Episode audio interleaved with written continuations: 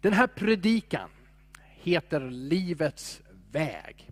Livets väg. Den kommer också handla lite grann om livets träd och livets flod. Eh, men det står så här i salmen 116, vers 11.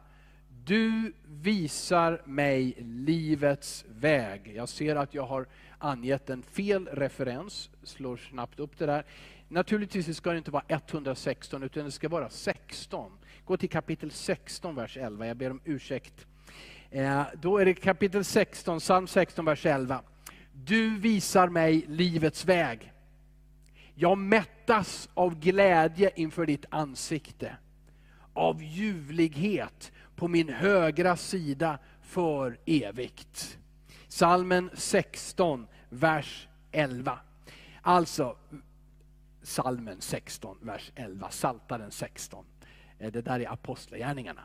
Eh, där har jag predikat genom varenda kapitel, men så det tar vi en annan gång.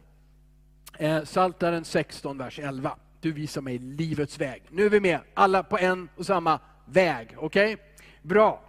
Välkommen nu då igen till salt, sommaren i Saltaren. Saltaren det är ju en bönebok mitt i Gamla Testamentet. Består av 150 dikter kan vi säga. Eh, Saltaren det kommer från det grekiska ordet psalmos. Eh, salmer sa vi förr, eller säger vi om de enskilda kapitlen. Eh, och Det betyder sång till stränga instrument. I alla fall så tror man det. Det här är ju 3000 år gammalt ord. Eh, salmos och saltaren. Det hebreiska, det, för Gamla Testamentet är ju skrivet på hebreiska, det är ett, ett tehillim. Och då betyder ordet helt enkelt lovsånger. Så då står det som rubrik för saltaren i Bibeln, lovsånger. Eh, ändå så är det här inte en sångbok, utan mycket mer en bönebok. Och det är inte en böne, ja det är en bönebok för alla, men jag ska säga som det är. Det här är en bönebok för, för asylanter. Människor som migrerar, flyr, har förlorat sitt hem. Ja.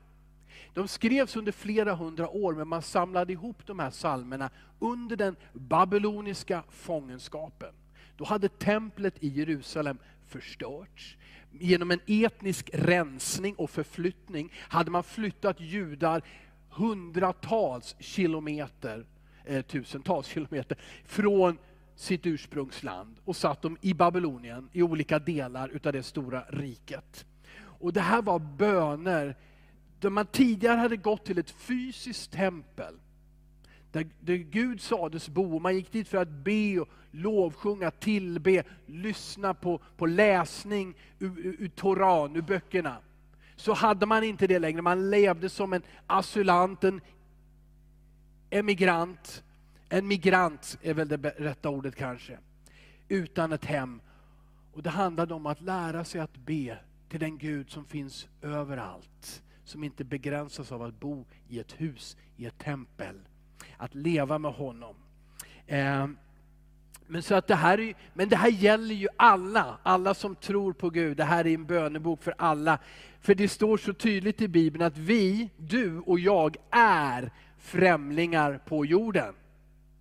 Vårt sanna medborgarskap är inte på jorden. Det medborgarskap som håller och som ger dig evigt liv, det har du i himlen.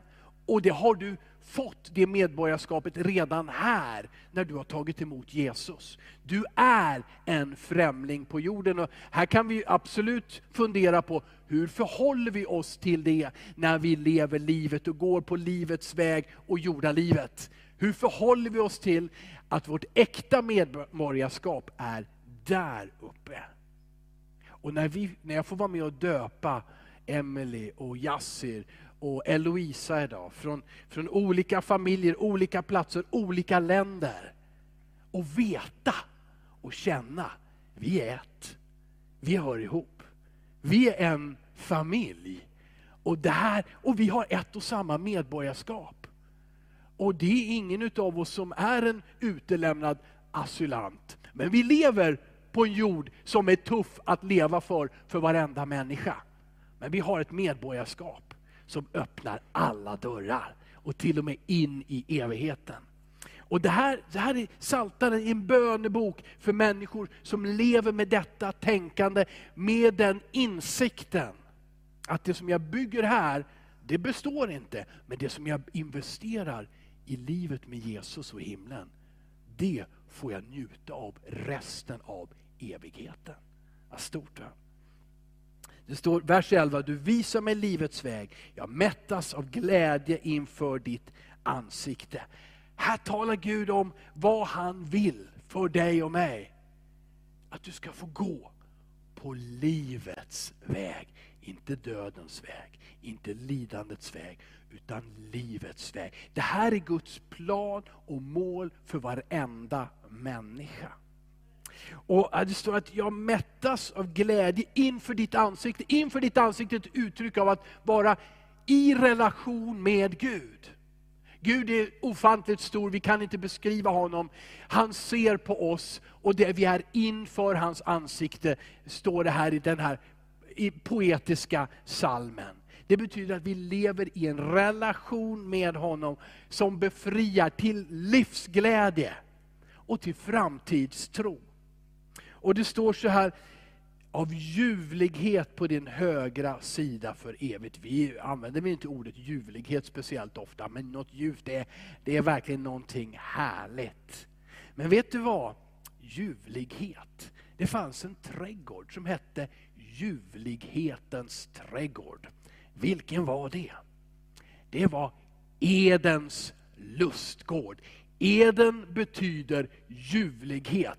Och nu ser du hur den här saltaren som handlar om undervisningen, Torah, de fem Moseböckerna, hur den återkopplar direkt till skapelsens begynnelse, där Gud gjorde allting.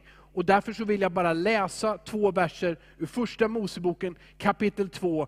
Det är skapelseberättelsen och det står så här, första Moseboken 2, 9 och 10.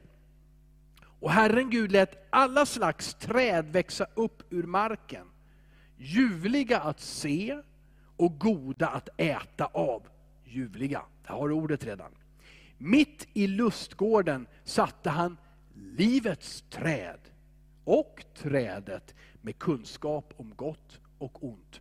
Två träd, vi hör väldigt mycket om det här andra trädet, ofta kunskapen om gott och ont. Där fanns det frukt Gud sa till, ät inte av den frukten. Men det lät väldigt intressant, framförallt när ormen hade viskat det till kvinnan och kvinnan sagt det till mannen. Och så delade de på frukten och Gud öppnade deras ögon. De var oskyldiga, men han öppnade dem för gott och ont. Och de förstod vad som är gott och vad som är ont. Målet, förhoppningen, som speglas där bakom i, i texterna, det är att, att få vara som Gud. Ah.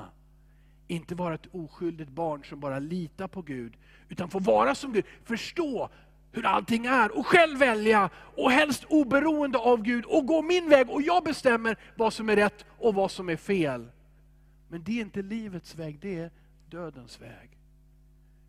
För livet måste levas tillsammans med Gud, i tro på Gud och efter hans principer, fyllda av hans liv. Det är då det leder till liv och välsignelse för dig och andra. Men den andra vägen, den själviska, det trädet, det för till ensamhet, isolering från Gud och i slutändan från medmänniskor, genom konflikter, genom hat, genom hämnd. Den leder neråt i fördärvet. Det är så tydligt. Den här trädgården hette Eden, ljuvlighetens lustträdgård. Det skapade Gud för dig och mig. Det är livet som du är tänkt att få leva. Och där så står det i vers 10 också. Från Eden gick det ut en flod som vattnade lustgården. Det rann ett vatten, en flod igenom den stora, stora trädgården någonstans i Mesopotamien. Och den vattnade alla träden och gav liv till den trädgården. Vi kommer tillbaka till träd och till flod och till vatten när vi går vidare på livets väg. Jag har redan sagt att Saltaren la samman, satte samman saltar, sal, vers, förlåt, saltarsalmerna lades samman under en fångenskap när judarna hade förts bort ifrån Babylonien. Det handlar om bön, jag vill säga det igen, hur man möter Gud när det inte finns något tempel. Och det var också en förberedelse. Saltarsalmerna är fulla av löften. Löften om en räddare som kallas för den smorde, eller Messias. Och det här Saltaren är ju mångas, mångas favoritbok i Bibeln. Det finns underbara små verser och kapitel här och där och så finns det lite svårförståeliga verser här och där. Eh, men den har faktiskt en väldigt genomtänkt struktur. Det rekommenderar sig verkligen att läsa den från början till slut. Och vår utmaning i sommar är Ta, tre, ta, ta 90 dagar, ta tre månader, läs ungefär två salmer om dagen och ta dig igenom Saltaren dag för dag. Det är en bok fylld av lovsånger men också klagosalmer, precis som livet är. Eh, och eh, Ja, precis som livet är säger jag. Det är så här att den, den, den första delen, en rätt så lång del, är fylld av väldigt många klagosalmer. Och där finns det känslor som vi nästan skäms för och tycker är problematiska. Det finns ren ilska. Det finns mycket frustration. Det finns också hat och hämndkänslor. Det här är en bok som verkligen har allting. Och fram till kapitel 89 så dominerar faktiskt, speciellt i mitten, många av de här klagosalmerna, även om det finns lovsånger hela tiden. Sen sker en vändning. Och det här är en vändning som Gud alltid rekommenderar till oss. Det sker en vändning från kapitel 90 och framåt, så tar lovsångerna över glädjen över att ha hittat Gud och vara funnen av Gud. Och så är det en explosion till avslutning. De sista fem kapitlerna, så det är, liksom, det är halleluja hela tiden. Det är bara lovar och prisar Gud i de där sista fem kapitlen. Och det här, Gud vill föra oss igenom det som är extremt svårt. Det som kan möta oss i livet, träffa oss plötsligt, eller också hålla på en mycket, mycket längre tid än vi vill. Vår pandemi har hållit på i mer än ett år och vi gnäller och vi klagar kanske lite var till mans. Och judarna som, som la samman de här salmerna, de drabbades av etnisk utrensning och förflyttades för 70 år ifrån sitt hemland innan de första tilläts att återvända och bygga upp landet igen. 70 år. Men Gud ger inte upp. Och de gav inte upp. Och saltarsalmerna hjälper oss igenom. Eh, och eh, Att gå på livets väg, det handlar väldigt mycket om att vara tacksam i livet och att lova Gud, lovsjunga Gud. Det handlar mycket om att vända, se på möta allting ärligt som det är. Men vända det till tacksägelse till Gud som är med dig i allt och prisa honom för den han är. Okej? Okay? Och jag ska bara säga någonting om kapitel 1 och kapitel 2. För de är separata, det är en inledning till Saltaren. Och där läggs det ner i två kapitel, kapitel 1 och kapitel 2. Först vikten av att välja väg. Vi ska strax läsa kapitel 1. Det handlar om vikten av att välja väg. Det vill säga välja livets väg.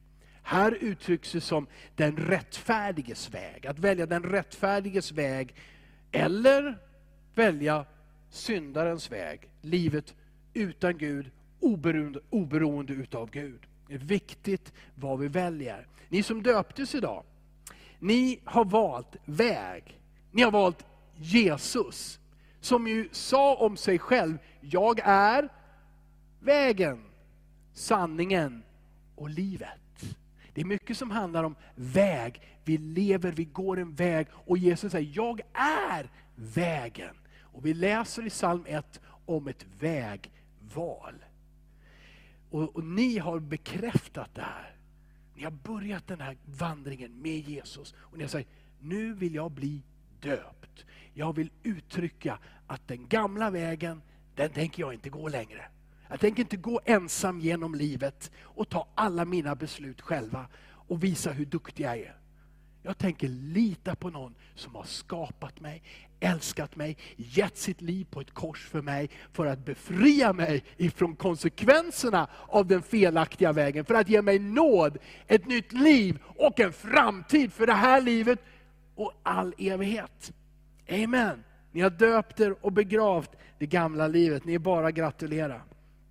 Kapitel 2, som jag inte ska predika om, det får någon annan göra som vill det under sommaren om det, om det är så. Men jag vill ändå nämna, för det lägger ner en väldigt viktig grund också. Att välja väg i kapitel 1, kapitel 2, att ta emot Messias. Ja, Messias kallas han. På svenska, den smorde. Guds kung. Och Det här är ju en psalm som skrevs någon gång mellan år 1000 och år 400 före Kristus utav någon. Den andra, men den vittnar, berättar om den Messias som skulle komma och som när han kom hette Jesus Kristus och Kristus betyder Messias, ett annat språk, men det betyder den smorde. Han som är smord och välsignad utav Gud. Och eh, I miniatyr så så om, om, det är David som har skrivit den här salmen eller någon annan, den här egentligen, vi känner inte till författarskapet här. Det är egentligen okänt för psalm 1 och psalm 2. Men David var, kung David i Israel var som en förebild i miniatyr av vad Gud vill göra.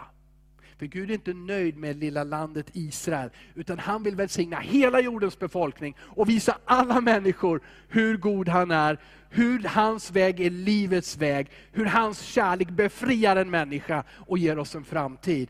Och därför så sände Gud sin egen son, kungars kung, Jesus Kristus. Han som är den allsmäktige, han som kallas för Herren Sebaot i Bibeln. Herren den allsmäktige över hela jorden, hela universum. Men i Israel och med David så finns miniatyren, förebild av vad som skulle komma genom Jesus Kristus.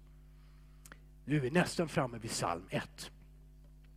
Det här är alltså vad Gud vill för dig och mig, att få gå på livets väg. Han vill det så mycket att han kämpar för det. Han kämpar och kämpade så intensivt att han gav sin enda son för detta. Som offrade sitt liv för oss på ett kors. Så mycket har Gud kämpat för att du och jag ska få ta emot liv och leva i det.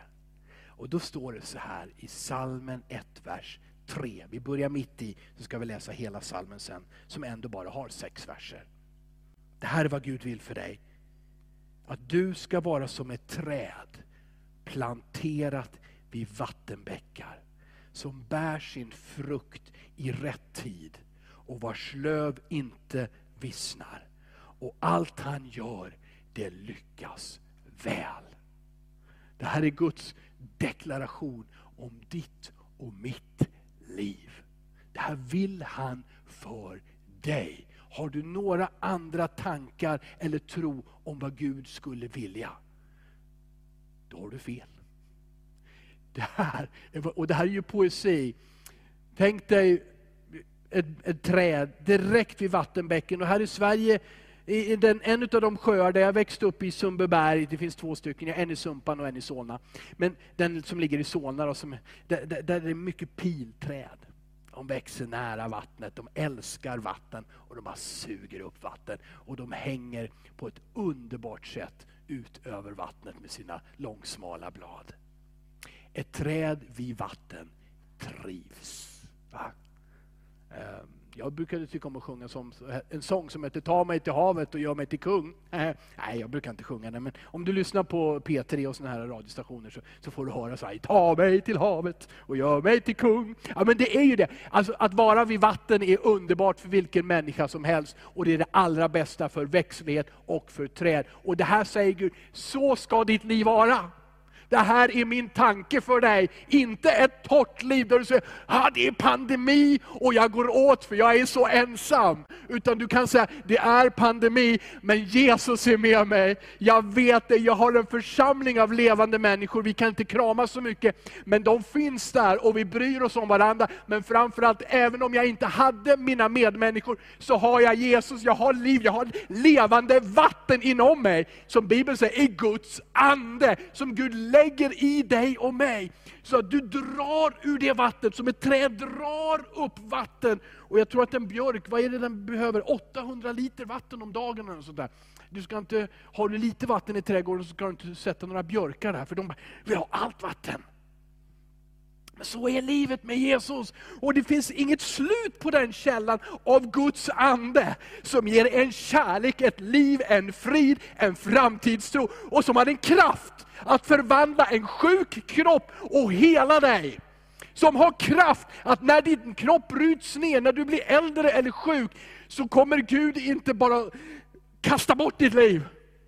Utan han kommer låta dig uppstå och du kommer vara perfekt, sådär som du har drömt om i spegeln i så många år. Och du kommer vara stark och du kommer ha livskraft för en evighet. Det här kan Guds ande göra i den människa som säger ja till Jesus och säger, jag vill gå på livets väg. Då kan du möta pandemier, då kan du faktiskt möta krig. Och många i den här församlingen har också flytt för sina liv under krig de senaste åren och årtionden. Men de lever och de vet att de har Jesus och de har framtiden för sig.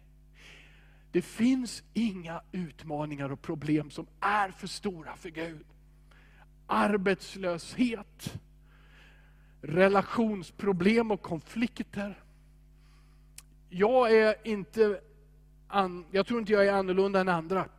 Jag är kortsiktig, jag är känslosam. När saker och ting går emot mig så blir jag lätt deppig. Tänker lätt, det är slutet, det funkar inte, det här löser sig inte. Vi kan inte förlåta varandra, jag kan inte förlåta de andra, jag är arg. Men Gud vill ge oss livets väg. Och den här saltaren, läs den! För du får, det, det är skrämmande ibland. Mm. Man, det är liksom så här, Gud krossa min fiendes käke och så tänderna flyger ut. Det är hemskt språk, men det är poetiskt språk. Och varför ska jag anklaga dem när jag har så konstiga tankar ibland om situationer och människor? Vem är jag att döma andra? Men tänk att saltaren, eller salmisten, de som skrev, de lär oss. Säg till Gud vad du tänker och vad du känner. Sluta upp och gömma det och trycka ner det och förneka det. Nej, jag måste vara perfekt. Jag måste alltid vara glad och i kyrkan och i livet och på jobbet. Släpp det, i alla fall inför Gud. I alla fall när du är ensam med honom. Säg Gud, jag är riktigt arg. Jag gråter om du är ledsen. Eh, Gud, jag gråter sedan dagar, sedan veckor. Jag kommer inte över sorgen. Säg det till Gud. Jag borde ju vara lika glad som alla andra. Nej, men jag borde och borde. Var dig själv inför Gud. Lär dig utav saltaren. Fördöm inte andra för deras känslor och poetiska uttryck. Utan gå med det här och säg, oj. Om och om igen. Så landar det i det här. Att när jag kom in i Guds närhet. När jag blev medveten om att Gud är Gud när jag fick förnyat den här relationen med honom. Okej, okay, då blev perspektiven annorlunda. Då måste inte jag hämnas. Då måste inte jag ha allt som alla andra har. De har guld och de har bilar och de har hus och de har pengar. Nej, Gud är Gud. Aha. Han tar hand om mig. Oh, jag kan sjunga lovsång idag. Spelar ingen roll. Jag älskar saltaren och jag hoppas du ska lära dig att älska saltaren. Det är därför vi det här är en tre månaders försök att få dig att läsa två salmer om dagen. Min förhoppning är att du sen läser en psalm om dagen tills du lämnar jordalivet. Det är min rekommendation. Läs den här. I alla bibelläseplaner du hittar, läs här, läs här, läs här. Men det kommer ofta tillbaka det. Men läs en psaltarpsalm om dagen. Ja, vi kan göra det här tillsammans. En del är jättelånga, andra är så korta så det går liksom på 10 sekunder att läsa nästan. Eh, det är psalm 117, är bara två verser, vi säger 20 sekunder. Eh, och sen psalm 119, den är 100, 175? Ja, 178. Rätt ska vara rätt. Salmen 119. 107. Då kan du få dela upp den på ett par dagar, för det är mycket. Underbart om Guds ord. Ska jag fokusera igen? Mm, Okej. Okay. Salmen 1, vers 3 ska vara som ett träd planterat vid vattenbäckar. Det är alltså resultatet av att välja Guds väg. Inte av att följa lagar, men att följa Messias, han som presenteras i salmen 2. Jesus Kristus som evangelierna presenterar om, livets väg. Det är, livets väg är också nådens väg, eller ska vi säga tvärtom, nådens väg är livets väg. Inte genom att hålla massa regler, ta, ta, ta, åh, utan genom att följa Jesus. Han hjälper dig att leva det goda livet, det rätta livet. Vägvalet är jätteviktigt. Eller, det kanske inte är riktigt en, en, en, en, en sån här vägförgrening som, som det talar om, utan om riktningen. Det vill säga att byta håll. När du upptäcker att det finns mer i livet och det finns en sanning. Och den sanningen har ett namn, Jesus Kristus. Och han älskar mig och kan hjälpa mig. Då väljer du inte, ja, men jag, kan jag gå på båda vägar? Du vet om den förgrenar sig, jag, jag är väldigt oflexibel så jag tänker inte gå i närheten av spagat här. Eh, så att, men hur, hur, länge går du på två vägar? Det blir smärtsamt. Vad du behöver göra är att du behöver vända om. Du behöver vända om. Byta håll. Lämna det som du har följt, dig själv, andra människor, eh, sista intrycken, det häftiga, det moderna, det som alla andra gör och säga, jag bestämmer mig för en väg, det är Jesus, för det är livets väg. Och den vägen ska jag gå. Och Det är en radikal omvändelse. Och det finns ingen hållbar tro som inte inkluderar en tydlig omvändelse. Kanske inte sker det i det första mötet med Jesus, det, där kanske du bara blir, du bara blir imponerad av hans kärlek, uppfylld med hans ljus. Men oh, wow, han bryr sig om mig. Det kanske inte finns en omvändelse där, men någonstans där i relationen med Jesus, och ju förr, ju förr desto bättre, finns ett mycket tydligt vägval, en omvändelse. En ny riktning.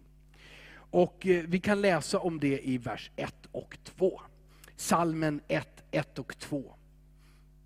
Salig står det. Och jag kan inte översätta det på annat sätt, men dubbelt lycklig. Alltså extremt lycklig.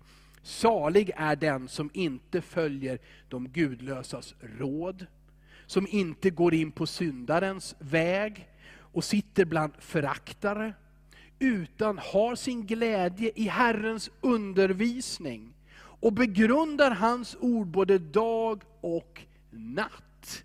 Där har du de två vägarna, ett val som vi står inför för vår egen lyckas skull och för Guds skull. Inte att fly kontakten med världen, det står vi ska inte sitta bland eh, bespottare, stod det, föraktare heter det nu för tiden i den här översättningen. Inte fly kontakt med världen, vi är i världen, det säger Bibeln väldigt tydligt, men vi är inte av världen, vi hämtar inte vår kraft, vår energi, våra perspektiv från det vad världen säger oss, utan vi hämtar det från Gud. Det är att ändå leva bland människor men inte ha vår näring ur den typen av relationer. Inte utsätta oss själva för onödiga frestelser, där vi vet att vi är svaga. Är det inte så ofta så, ja men kom igen. Om du nu är så, så stark och du har Jesus, då kan ju du göra allting. Då kan du ta en liten sup med mig och så kan vi göra det här. Och så kan vi gå och kolla på de där tjejerna där, eller vad som helst. Du är ju så stark. Och du tänker, ja men jag är ju stark, jag är en kristen, jag är stark. Jag kan... Nej. Du behöver inte bevisa något för Gud. Människor kräver det av dig ibland. Du behöver inte bevisa för dig själv hur stark du är. Som vi brukade säga, det är bättre att fly än att illa fäkta. Om du vet att det finns frestelser, det finns saker som drar ner dig, du vet du har en historia av att förlora, håll dig borta från det. Ha din stolthet i att vara svag, men ha en superstark mästare i ditt hjärta och vid din sida. Förstår du? Ha, var stolt över att du är svag. Jag vet inte om jag kan det, jag kanske inte får det. Den här diskussionen finns i Bibeln hos Paulus. Det handlade om, om kött i, i grekiska städer som offrades till avgudar. Kan en kristen äta det? Är det köttet demoniskt eller är det inte det? Och så var det en diskussion och Paulus, någonstans som jag förstår, säger ja, men det går både också att säga. Men om du blir frestad av det, håll dig borta ifrån det. Och dessutom, eftersom du bryr dig om dina medmänniskor. Om du menar att du kan göra det, och du faller inte, men du vet att de andra ser dig, upplever dig, blir influerade utav dig, och de faller. Av kärlek, håll dig borta från det. Säg nej tack till supen. Okay? Och säg nej tack till saker som dina ögon ser, som du vet leder dig bort ifrån livets väg. Försök inte att bevisa för dig själv och andra hur superstark du är, utan lita på honom som är verkligt superstark. Amen. Det handlar också om en prioritering då utav aktiviteter. Eh, att ha sin glädje i Herrens undervisning. Undervisning det är ordet Torah, Mose lag. Men det är rätt. Det betyder inte egentligen så mycket lag, utan undervisning. Och att begrunda det här dag och natt. Oh, det blir mycket, eller hur? Dag och natt läsa Gamla Testamentet, fem, fem böckerna Mose. Jag skulle säga att det handlar om en prioritering av dina aktiviteter. Och du vet, det, det här blir så löjligt, men det, jag bara jämför. Jämför ditt eh, skärmtittande med tiden på skärmtittande med tiden med Bibeln. Okej, gör en prioritering. Bibeln sa inte läs det här 24 timmar dygnet runt. Men gör en prioritering. Hur mycket lägger du på andra saker och som du tycker är så viktiga fast du inte tycker de är så viktiga? Och vad gör du med Guds ord? Läs det, tänk efter över det, för det ger dig. Det ger dig liv. Okej? Okay? Eh, och sen sker någonting. När du prioriterar det här, då säger Bibeln, så här, Ordspråksboken i gammal översättning, eh, vad hjärtat är fullt av, det talar munnen. Det betyder så mycket som att det som finns i dina tankar, i ditt inre, det kommer ut förr eller senare. Är det, är det glädje i hjärtat så kommer det ut någonting glatt. Är det någonting annat i hjärtat, då kommer det också ut någonting annat. Eh, men att ta tid för Guds ord, läsa Bibeln, det kommer att fylla ditt hjärta och det kommer att prägla din mun och det betyder att det kommer att prägla dina handlingar. Guds ord förändrar ditt liv. Om du läser det, om du tar in livets ord, så fylls du av liv. Det kommer att prägla dina gärningar och dina handlingar, ditt sätt att tänka. Vi får skörda var vi sår, säger Bibeln mycket tydligt och klart. Det vi investerar i, det får vi också tillbaka. Är det bara skärmen, man kan ju välja vad man tittar på på skärmen också. Men beroende på vad vi väljer, det är det som vi skördar i våra liv. Våra vägval har konsekvenser. Och då ska vi ta avslutningen här, för då kommer vi fram till vers 3, 4, 5. Först än en gång, han som är som ett träd planterat vid vattenbäckar, han bär sin frukt i rätt tid och vars löv inte vissnar och allt han gör det lyckas väl. Och så kommer lite allvarliga konsekvenser för den som inte då väljer livets väg. Sådana är inte de gudlösa. De är som agnar som skingras för vinden. Därför ska inte de gudlösa bestå vid domen, inte syndarna i de rättfärdigas församling. Utav tid här så ska jag nog se till att vara snabb här nu. Då. Det finns livgivande konsekvenser, resultat av att gå livets väg. Och det finns fruktansvärda konsekvenser av att gå den andra vägen. Vad vi lever ut här, eller vad vi följer här, det följer vi i evighet. Låt dig inte luras av de som säger att när våra kroppar dör, då slocknar vi. Låt dig inte luras av den lögnen. Gud, när han skapade dig, så skapade han dig för att leva i evighet med honom. Och Det gör att de val som vi träffar i livet är livsviktiga. Det har konsekvenser. Lever du med livet själv, Gud, genom Jesus i ditt hjärta, här, då går din evighet vidare så. Väljer du att förneka, förskjuta, förminska, strunta i Guds erbjudande, då har du död på insidan och det kommer du att skörda i evighet.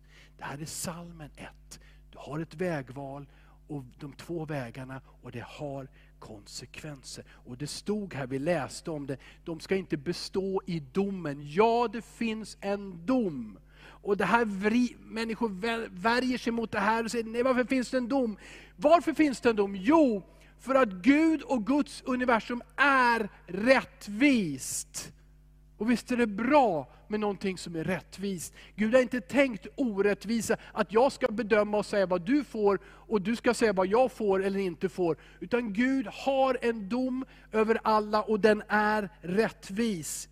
Men vi ska inte själva hämnas, utan vi ska lämna det i Guds händer. Vi ska inte trycka ner andra och vi ska inte trycka ner oss själva. Så du är dålig, du är en förlorare. Han har kämpat för dig och mig, för att han vill en sak med det här domslutet. Han vill en friande dom för alla. Förstår du? Det är inte så att åh, Gud är så snäll, han struntar i vad vi har gjort. Nej, Gud är superseriös för han är rättvis. Han är det som alla våra FN-lagar och andra inspirationer försöker tala om för oss. Att alla ska vara jämlika och det ska inte vara orättvist någonstans. Och vi märker hur vi misslyckas hela tiden. Och polisen måste jaga mer och mer, för vi skapar mer och mer lagar. För någon gång så ska det vara totalt rättvist, men det blir inte det. Men Gud ser allting, ja! Och han straffar det onda, ja. Men det är inte hans mål att sätta dit dig. Han hade en son. Jesus, livets ord, livets källa. Så nära, obeskrivligt nära Guds hjärta att Gud är bara en. Fader, son och heligande. Ofattbart men sant. Gud tar en del av sig själv och låter Jesus födas. Bli en människa. Världen, den världen då, men också vi idag med våra synder och vårt tänkande, tog inte emot Jesus, förkastade honom, korsfäste honom. Men som Saltaren uttrycker, psalm 22, han led för vår skull. Han tog våra synder på sig, som Jesaja 53 säger. Det var dina och mina synder som han plockade ihop lades på Jesu axlar, Jesus dog och där dog skulden och där dog konsekvenserna, där dog straffet.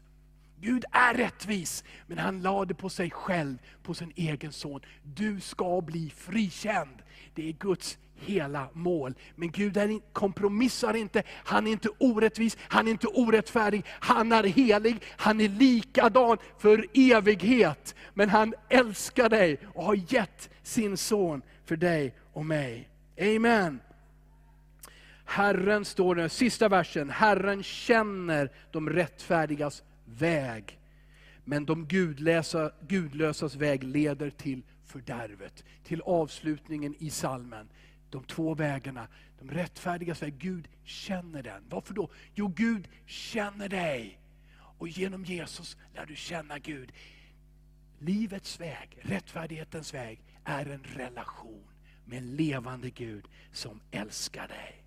Han är hög och helig, men han kommer till dig och mig när vi stillar oss och säger kom, välkommen.